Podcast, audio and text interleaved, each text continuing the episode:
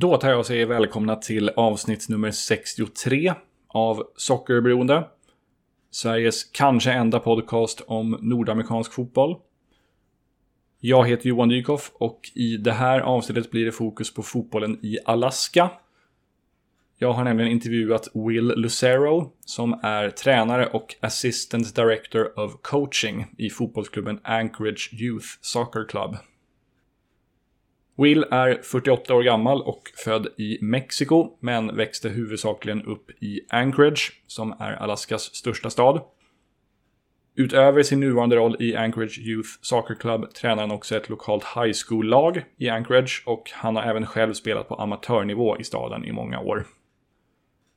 Tanken med den här intervjun är att kasta ljus på fotbollen i Alaska, som är en del av Nordamerika som många sannolikt normalt inte associerar med fotboll. Och min förhoppning är att göra fler avsnitt av den här typen framöver. I den här intervjun med Will Lucero berör vi exempelvis idrottsevenemanget Arctic Winter Games som Will är nyligen hemkommen från. Några av Wills finaste minnen från sina år i Anchorage Youth Soccer Club. Samarbetet med MLS-klubben Portland Timbers och utmaningarna som man stöter på som fotbollsklubb i Alaska. För upplysning kan jag nämna att Will flera gånger i intervjun använder sig av uttrycket Lower 48. Det är ett lokalt uttryck i Alaska som används som ett samlingsnamn för de 48 stater som utgör huvuddelen av USA, där Alaska och Hawaii inte ingår. Tänkte att det kunde vara lämpligt att nämna eftersom man som svensk kanske inte är helt bekant med det. Då var det sagt, så då kör vi igång.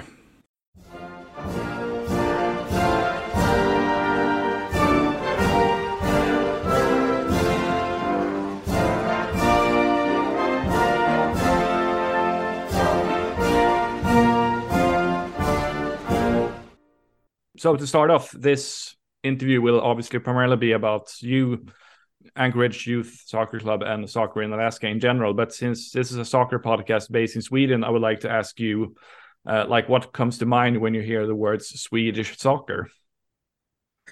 Swedish soccer? Well, um, I can't say a lot comes to mind, mm. but uh, you know, one of the so Arctic Winter Games is a uh, is an entity in which um, we compete in as far as um, every two years. Um, I don't know if you familiarize yourself with Arctic mm-hmm. Winter Games, but it's it's the Olympics of the Arctic, right? And they happen every two years. And there's actually a contingent that is Sapmi, which oh. is made of Sweden, uh, Finland, and Norway. Mm-hmm. And they actually uh, they take a lot of teams there and they compete in futsal which is you know indoor soccer. Um, so when I hear Sweden, that's what I think of first is the Sapmi players that come and play, and they're very um, they're very disciplined players. Um, mm-hmm. The co- the coaches are very nice. I made friends with a lot of them, which which is pretty nice because you know we look forward to every two years to see each other and and and talk. So that's good. But you know, for me, seeing the way they play, they've always been dominant in futsal and and um, it's just the discipline, right? And, and, that's one thing that you know I always take away from these games is the discipline of the different uh, cultures, right? It uh, it's huge. It's mm. night and day, right? The the respect and and the listening skills and just the implementing of of what the coach wants is is it's almost automatic, right? Whereas you know us, there's there's more freedom to the players, and you you really have to drill into them like you got to do this, yeah, you got to believe me, and you know, there's a little more emphasis to doing that where you know contingents where there's the discipline is just right off the bat. You know, it, it doesn't take much for them to get it, and and they and it looks it's it's robotic almost. It's very mm-hmm. mechanical, and it's very it's very nice to see. So I, I, guess when you say Sweden, that's what I think of. yeah. Who are some of the other participants in the Arctic Winter Games? Um, so you have uh, Team Alberta, uh, North, uh, Alberta North. You got Greenland, you got Nunavut, you got uh, the Northwest Territories, uh, Quebec, Sapmi, mm. um, and the Yukon Territories. So different provinces around Canada. Mm. Yeah, fascinating. And, I, I I don't know a whole lot about the Arctic Winter Games, but I'll have I'll have to discover more. Uh, definitely. yeah, yeah, it, and you know, and aside from futsal, there's a lot of uh, indigenous games.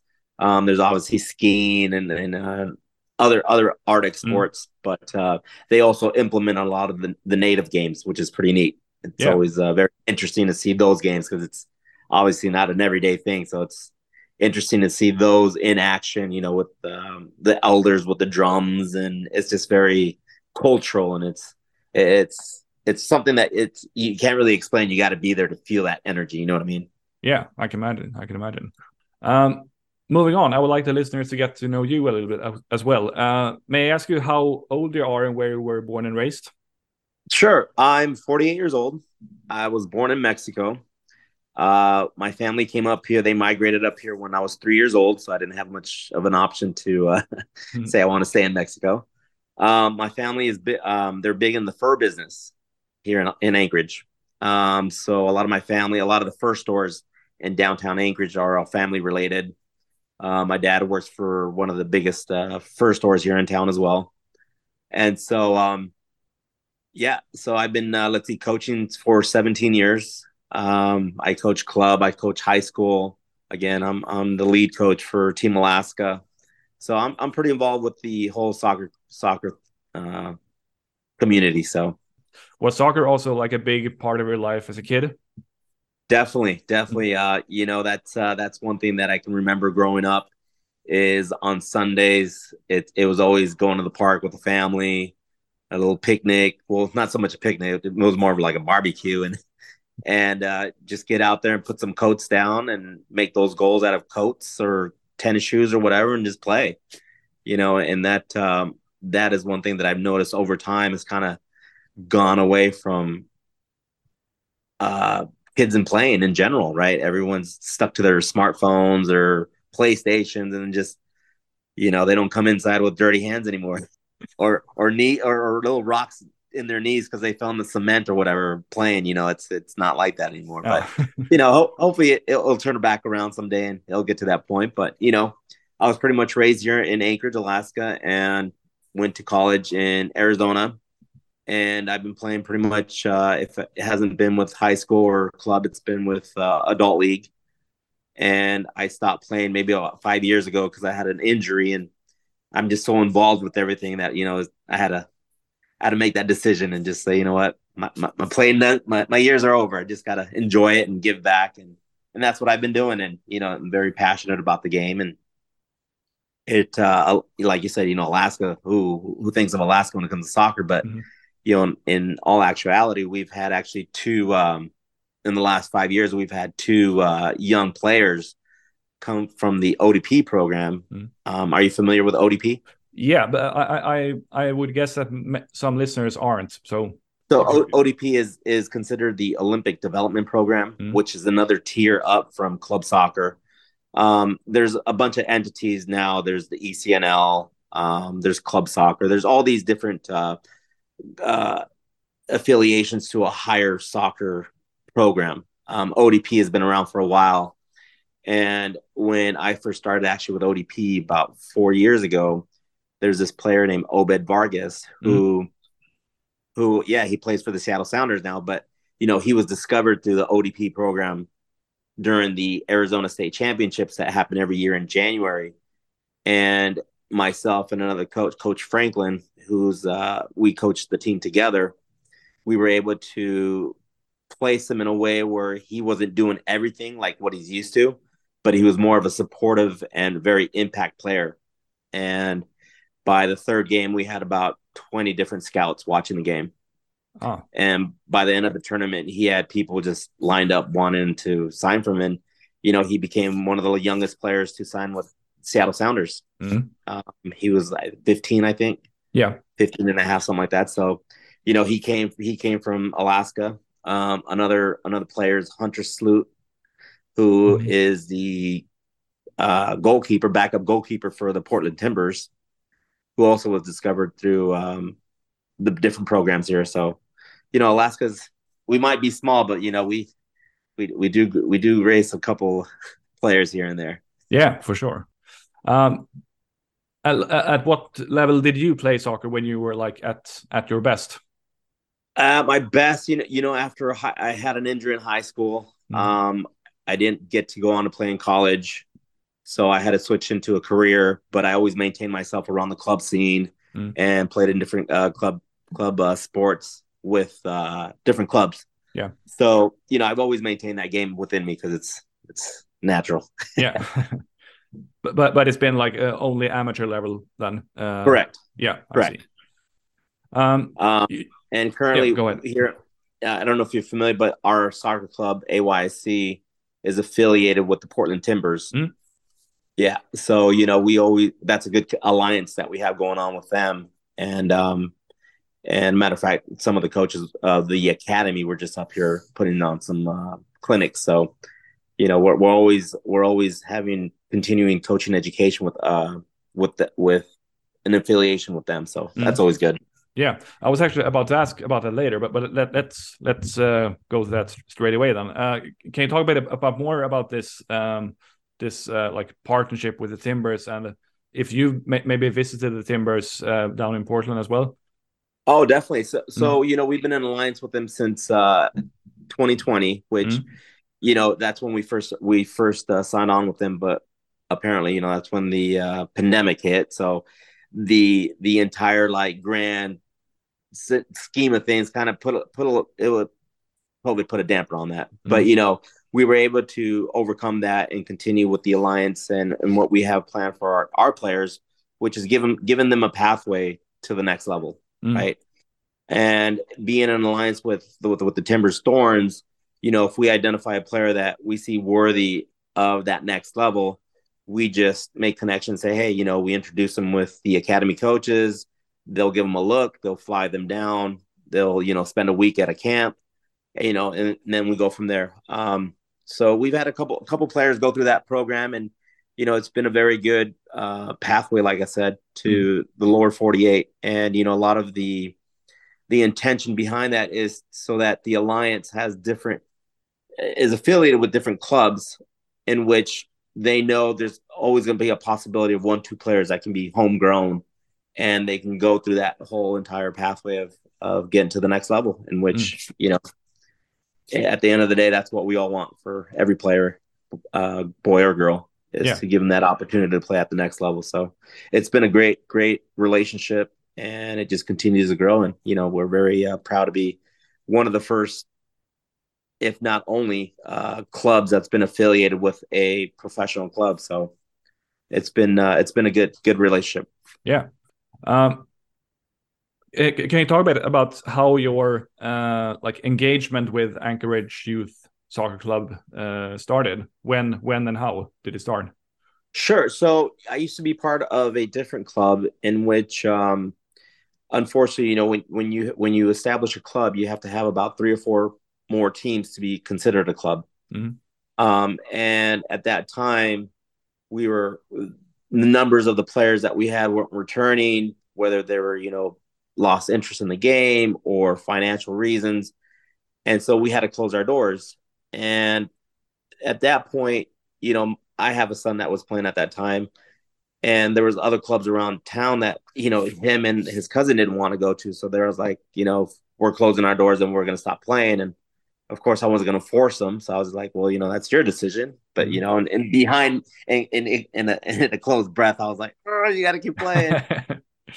and so the whole summer went, and all his friends, you know, started saying, oh, you know, we're we're going to go register here with this club and that club, and then one day my uh, my son and my nephew were like, hey, you know, we want to we want to play soccer. I said, well, you know, we went down the line of each club. I said, well, you know, what do you guys want to do? Like, well, let's go with AYC. Mm-hmm. Like, all right, well, you know, let me make contact with uh, the technical director and uh, see what's going on, see if they have any any uh, teams for you and, and uh, any space, and we'll go from there. And and I made the call, and they were like, yeah, you know, we, we we're we're um, growing this one oh two because he is a 2002 uh, year born player, and he's like, they were like, yeah, bring bring him over, and you know, of course, once those two came over, there were some other loyal players that like, hey, we want to come too, so all of a sudden I brought over like six players, and then from there, you know, I said, hey, you know, I used to coach. You know, you mind if I assist at least? And like, yeah, mm-hmm. sure, why not? And you know, AYC is a very family orientated club, so it, it, was like, yeah, come on in. And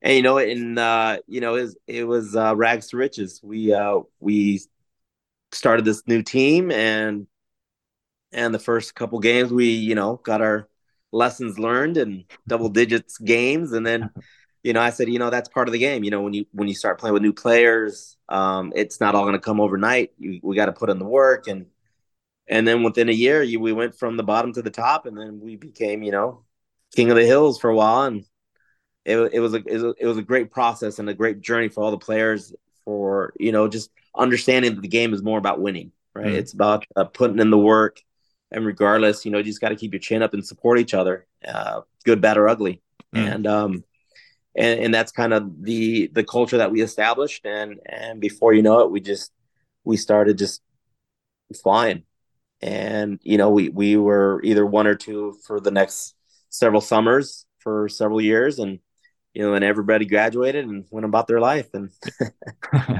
so and, that's and, you know and over yeah, time you know with with the club i i've also become I, uh, i've become one of the director of coaches um, to overlook the coaching staff and so it's um, it's it's it's good. It's it's a good environment. Um, a lot of coaches that are just eager to learn, and it's always good to give feedback and and, and also demonstrate how you know I do things so that mm you know they can pick up on a thing or two. But you know, in, in all, it's been uh, it's been a great great ride so far. Yeah, and uh, uh, like what year did you start coaching for the club?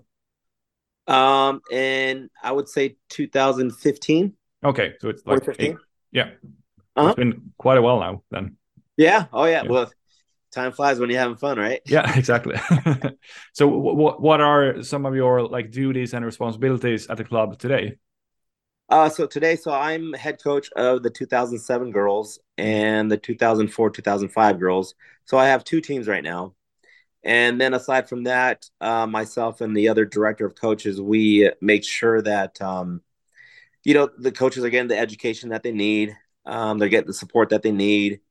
If and when they have any any um, issues with players um, or players that feel that aren't getting to where they need to be, you know, we'll give them ideas, suggestions, um, or we'll uh, run a, a, practice for them to kind of show them how, how to engage players that are either losing interest or are very skillful and how do you challenge those players without them walking off the pitch thinking, mm.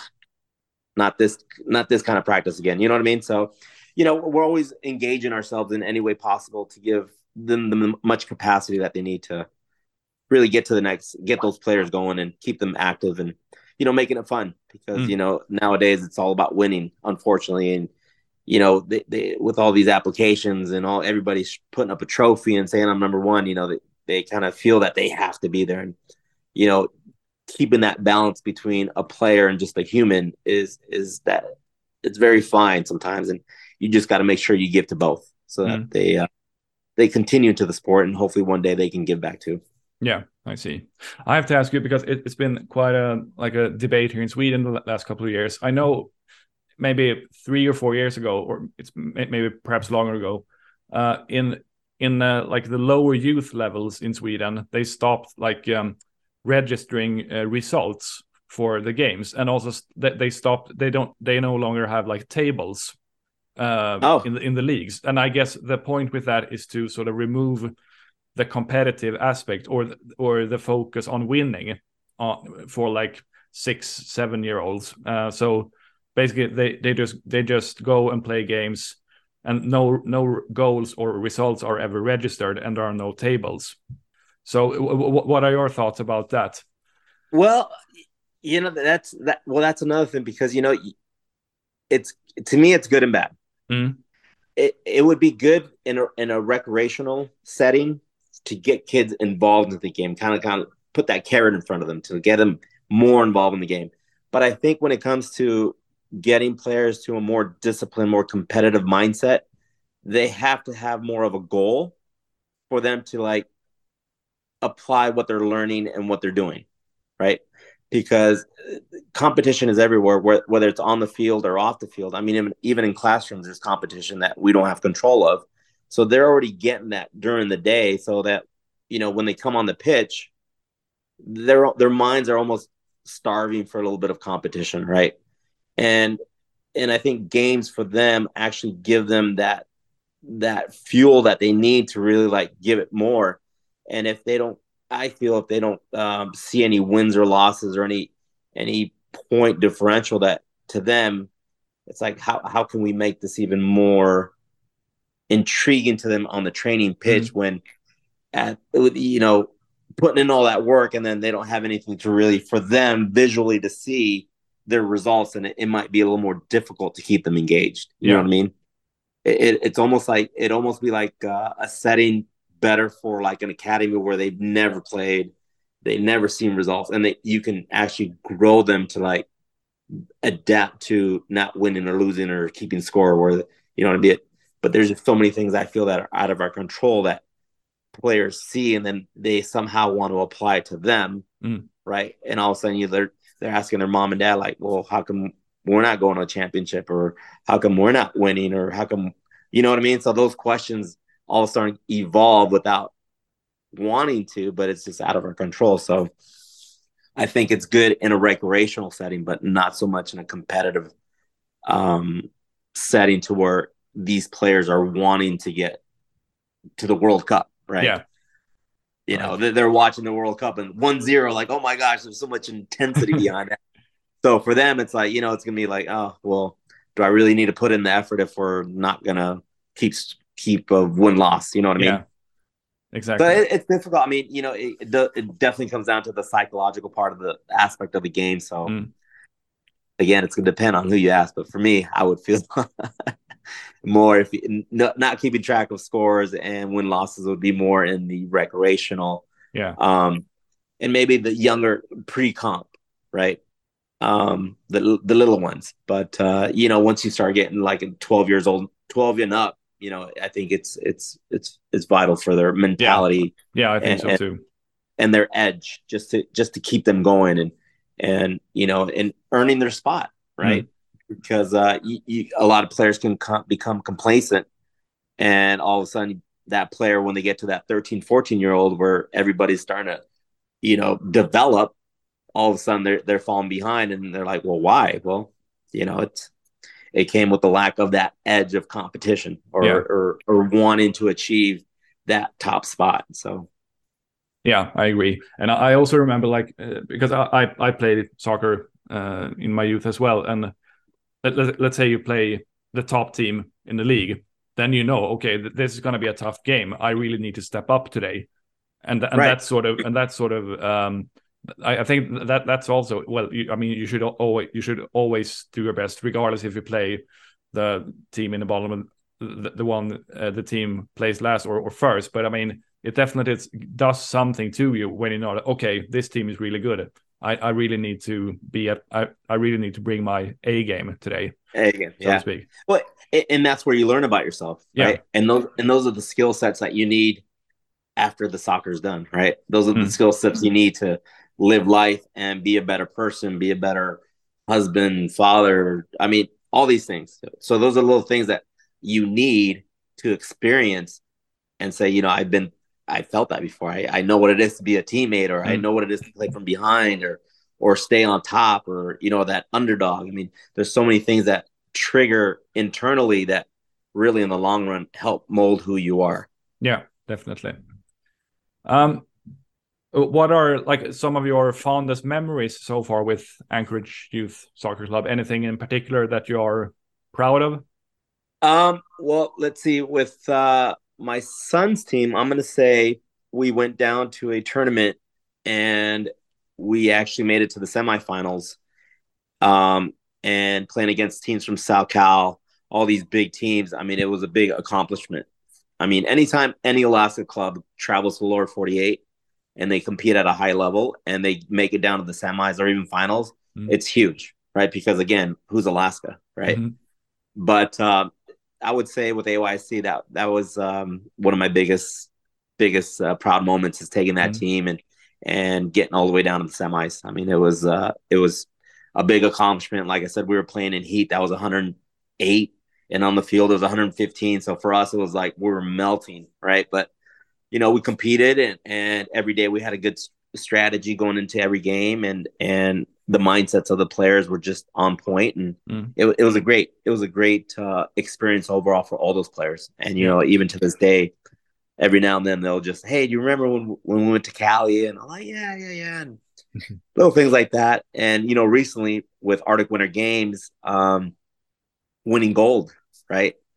We uh we were in in the in Alberta, which Alberta's backyard, playing for you know these games, and you know, I took three teams down, uh, two girl, two boys teams, and one girls team, and that one girls team, um, they were made up of players born in 2008 and 2010, and we were playing in a bracket of 2007, 2008, and so that Alberta team that we played was all 2007s, so they're all 15, 16, right? And so, you know, my team was not that big, but you know, that they had the right heart and the right mindset. And um, we we played them in round robin and we lost them 4-0. I mean, it was it was pretty bad. I mean, that was our first loss in the tournament and and it was like, oh geez. And of course, you know, it, it it's one of those moments where, you know, you don't dwell on the mistakes, but you dwell on the experience and you grow from that. And you say, hey, you know, that you have to learn to play faster. And how do you play faster? You got to think faster, right? And it's all everybody speaks the speed of play, but they forget it's the speed of thought, mm. right? If you don't have an idea and you don't know how to deliver that message to your body, you're not going to get that ball off your foot. So you got to be thinking proactively. And so you know, it, it was a, it was a good eye opener for them. And um, we played Sapmi in the semifinals, and we ended up beating them 5-0 in which uh, there was another coach that said, "Hey, you know, I've never seen Sapmi lose. I mean, that's the girls are pretty good and this and that, and and but you know, I had a game plan and we executed the game plan, and then we of course have one more one more match, and against it was Alberta, and of course, out going into the games, Alberta was undefeated. They had like something ridiculous, like forty six goals for and one against. I mean, they were clearly on paper the favorite, and of course. um you know, I was watching them play their semifinal semifinal match, and and I kind of started picking up on their trends. Like, okay, they're they're they're doing this quite a bit. It's doing quite a bit. And you know, obviously, I'm one of those coaches that just I don't sleep at night because I would just keep replaying games and just what can we do, blah blah blah. And so um, we came to the championship, and I, you know, we had a nice little uh, pre-game talk, and and you know, we went out there, and then in ten minutes we had three goals, and it was just like you know, it was like in shock, right? And then um and then their first goal came. I'm like, oh no, here it comes. You know, just that momentum, so you can just feel it.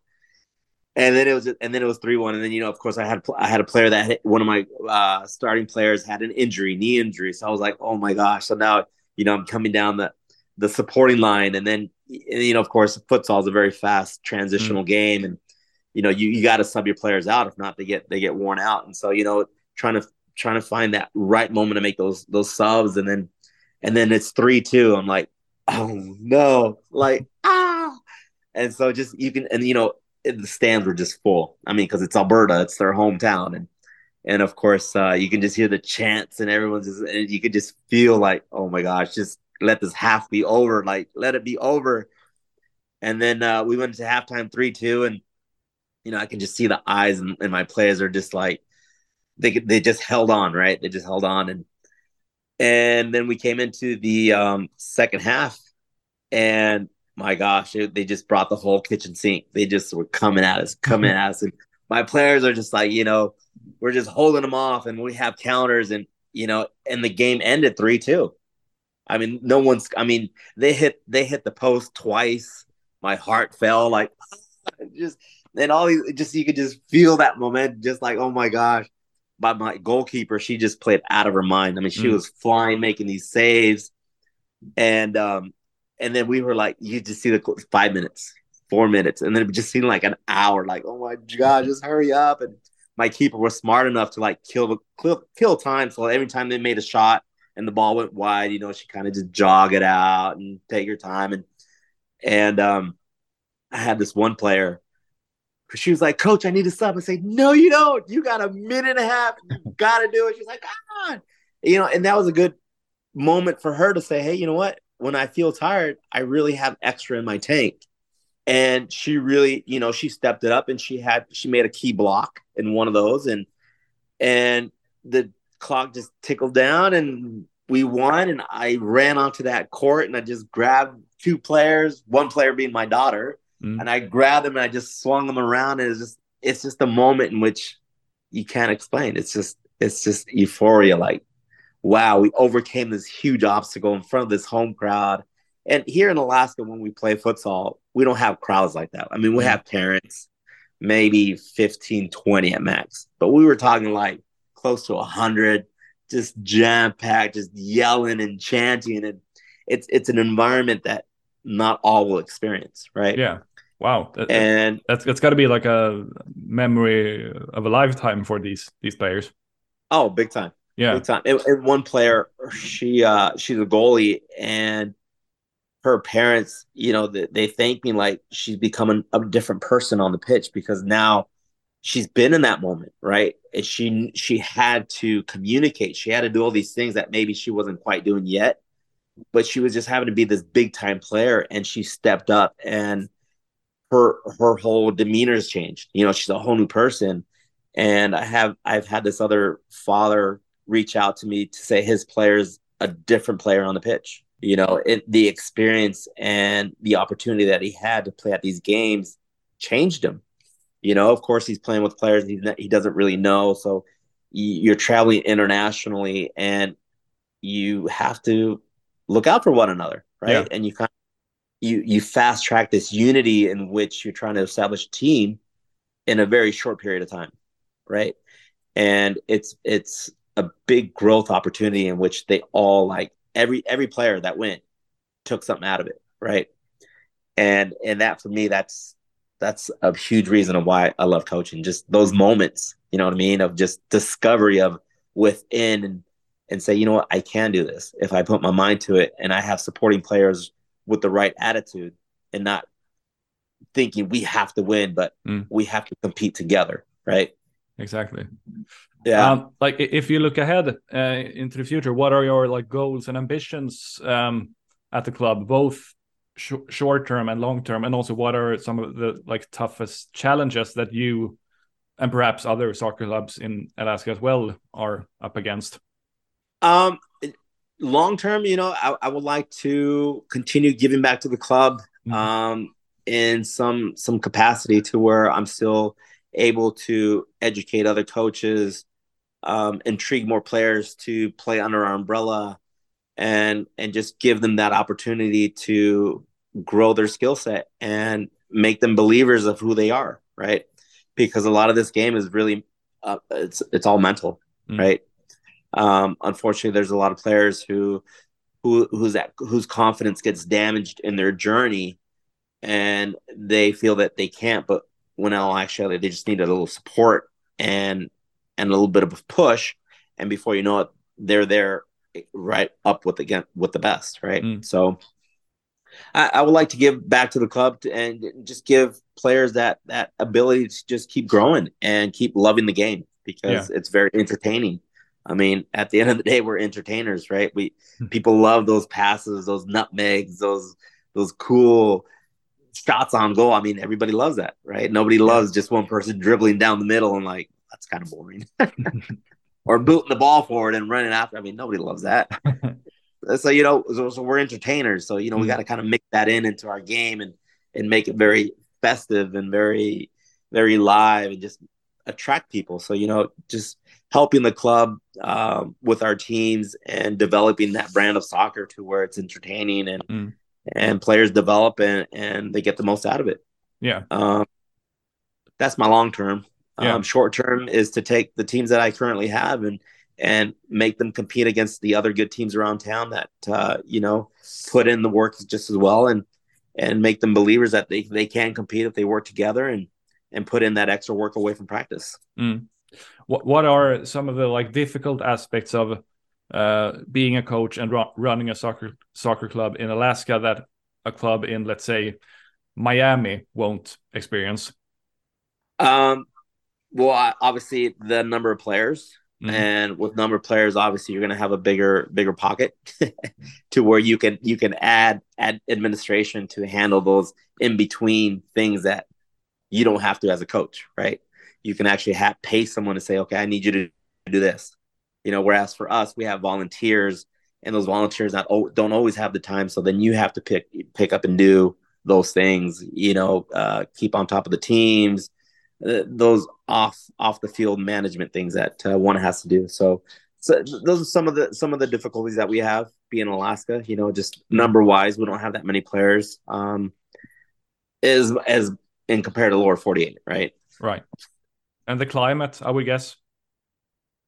Yeah. Um, you know, a lot, a lot, the climate, obviously, but you know, we have this uh, two, two. Uh, we do either the gym floors at schools or we have two indoor facilities. Uh, oh. One being a, a, dome, which has the actual uh, official size uh, pitch. Um, and then within that pitch, there's different lines for different sports. So there's American football, there's two diamonds for baseball, there's mm-hmm. an indoor track. So so it's an all-in-one kind of facility that everybody uses. So, you know, getting time in there is it's it's pretty pricey and yeah. obviously limited because everyone's competing for space.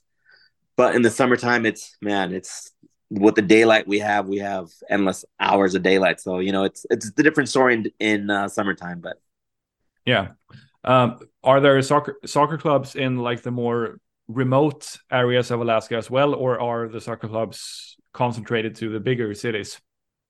Uh, they're concentrated to the bigger cities. Um, they do introduce soccer in some of the remote villages, mm. but it's not as popular as basketball. Basketball mm. is very popular in these remote villages. Um, but we do have uh, in the larger cities like uh, Fairbanks and Juneau, um, Ketchikan, they do have soccer clubs there. Uh, down in the peninsula, there's also soccer clubs. Um, so it's it's pretty spread out, mm. but most of the bigger clubs are going to be here in Anchorage. Yeah, I see. As as someone who has lived in Alaska for uh, a long time. How would you say that uh, the popularity of soccer in Alaska, or or perhaps Anchorage in particular, has developed in uh, in recent years, from what you can tell?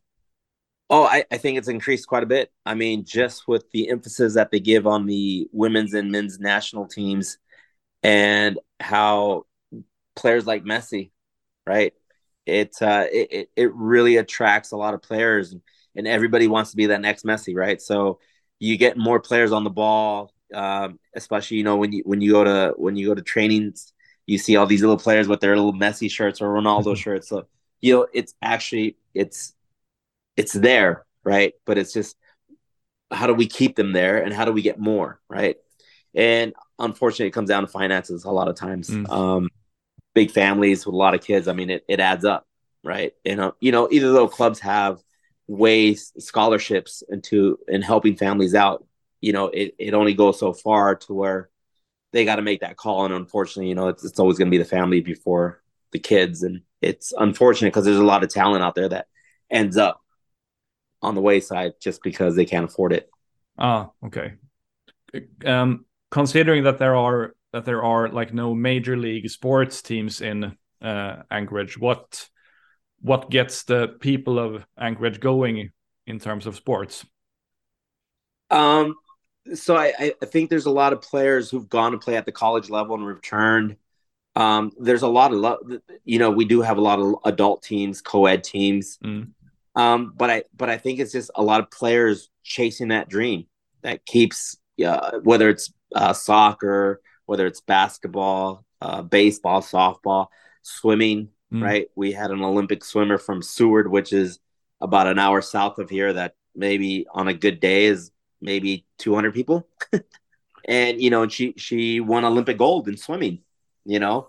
And so stories like that, I think, encourage and inspire other athletes to say, hey, I can do it too. Mm. So I think that grows the popularity in all sports that players can do it if they put their mind to it and and not having those those uh, access to major to professional teams, you know, we they do have that. Oh, I'm going to take a flight down to Seattle or Portland and get out of town for a little bit and you know, so we kind of have that avenue, or, or Seattle or the Seahawks when it comes to football. Mm. There are a lot of Seahawk fans here, just because that's the closest professional team we have. But you know, when it comes to soccer, you know, even though we don't have that, we do have the same as uh, about two year, yeah, 2020 is the UPSL league, which is yeah. the semi-professional league. Yeah, we instated that here. It's the Northwest UPSL league, and actually in the first uh, first season that it opened, we uni- the uh, Timbers AYC Timbers we won the championship, mm-hmm. which was pretty cool. Yeah, and um, and so every year at the adult level, that's really inspired more players to come out and more teams to kind of grow. So that that's that's something new that we're trying to grow for those returning players from college or those players that you know couldn't make it to that next level but still have that skill set to compete. You know, we did have a player that he was he lived down in Kenai, which is about an hour and a half away from here, that he would drive up just to practice and play with us because and he was a decent player. So mm-hmm. you know, there's those players out there that have that ambition to play and you know when when, when this uh, league came about, you know, it, it really discovered a lot more players, and of course that being a national platform, those players, you know, their stats get put up. So, you know, there's recognition for them. So you never know who's looking or saying, Hey, let's take a look at this guy from Alaska. You know what I mean? So yeah, it uh, it's definitely de- another avenue for those players that are inspiring to also get at the next level. So mm. yeah. So, so this league, uh, are there only teams from Alaska, or are there teams from other states as well? Um, so it's so it's so again, this this all came about with COVID, right? Yeah, right. a damper on things. We had at that time we had teams from uh, Canada that were also part of it. But since they closed the borders down, that mm. kind of shut down. And ever since then, it really never got put back into place. They're oh. still trying to work on that, but you know what the plan was was for the winning team to then go compete in the tournament down lower 48 in the west coast and then go through the whole different uh, tiers of that right mm.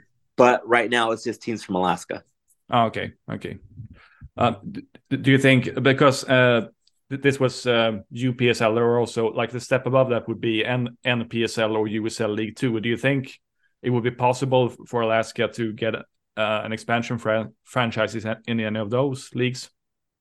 Um, I, I think in a couple couple years down the road, when we mm -hmm. grow more more teams and have a lot more interest. Right now, um, you know, summer times in Alaska are like gold.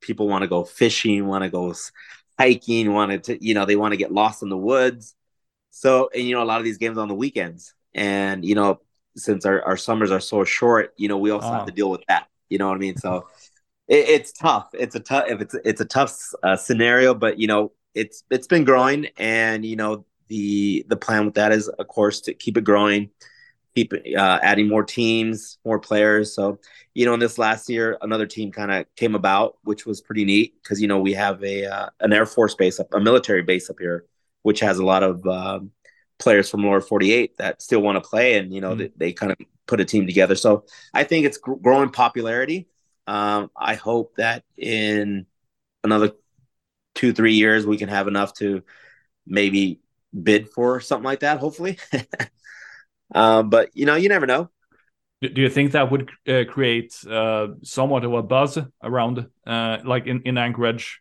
oh yeah yeah. So like right now, like the the UPSL league, it, it it's a pretty good buzz. Mm. Um, just because you know it's it, you always get those one players that just want to keep going, right? And they want to they want that hurrah. So you know it, it's it's always good, and, and they're good games. You know they're they're good physical, hard fought games, and mm. and um, it's it's always good for for for the uh, for the fans. Yeah. Um, speaking a bit more about like the popularity of soccer in in Anchorage. Like whenever um, the U.S. national team plays, either men or women, do people like go to sports bars um, to to to watch the games and so on? Is is it like a big thing whenever the national team plays? So, so um, amongst the club, uh, amongst the soccer community, you know, obviously it's it's a, it's a tight niche group. Um, there's a lot of people that know people with restaurants, and they'll reach out to them and they'll say, "Oh yeah, yeah, we can, we can put on," you know, because a lot of the a lot of the games are in the either the East Coast or far out. So yeah. they have, they're they're very early for us. But you know, a lot of these establishments have opened up their doors and put on the games and you know provided breakfast. So it, it's it's neat because it just brings everybody together, right? It doesn't matter what club you're from because you know we're they're cheering for the men's national team or the women's national team. So, you know, it, it's grown as popular like that just by people reaching out to other establishments and just saying, "Hey, can we do this?" And of course, the kids pile in. So it's mm-hmm. it's cool. It's cool to see. Yeah. And actually, actually for the Arctic Winter Games, they uh, there was a, several people that got together at this uh, one restaurant and watched the game live Mm-hmm. And it was pretty cool because you know they sent they sent me pictures afterwards, so it was pretty neat to get that support. Yeah. Do, do these uh, restaurants have like? Do they uh, also show uh, like European soccer as well? Oh yeah, oh yeah. they they show the EPL league and all. Yeah, yeah English Premier League. Yeah. So, so there's there there is like it sounds like there's a pretty decent soccer community then in in Anchorage. Yeah, there is. Yeah. Oh, there is. Yeah. Terrific. Um, before we wrap things up, is there anything like um, is there anything related to the soccer community of Anchorage or soccer in Alaska in general that you think people over here in Sweden would be interested to know? Like anything that they would find fascinating or anything that you would like to point out, so to speak? I, I think, uh, especially uh, for us in summertime, a lot of the tournaments, you know, every club has its own tournament that they host.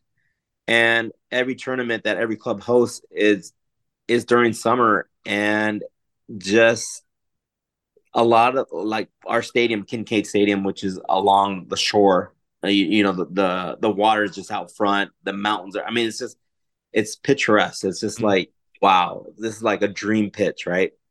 Um, but aside from that, you know, there's a lot of good competition up here. There's uh, different clubs have a number of teams that have that are very very elite, right? And so soccer, it's growing and and a lot of coaches around in different clubs are doing great things with their teams. And you know it, it's very intriguing. Um, and it's it uh, it's definitely making alaska we're putting a name for ourselves out there especially when we go compete. It's no longer oh it's alaska. It's going to be an easy it's an easy game you know? Because right now it's either alaska montana or south dakota north dakota those small states are the one idaho those are the small states that people like ah it's them. It's a warm up game. But you know, Alaska's making a name for themselves, and so are, so are these other states because of you know the coaching staff, the education, and and uh, it uh, it's beautiful time to come during summer. you, you, get, you get 23 hours of daylight.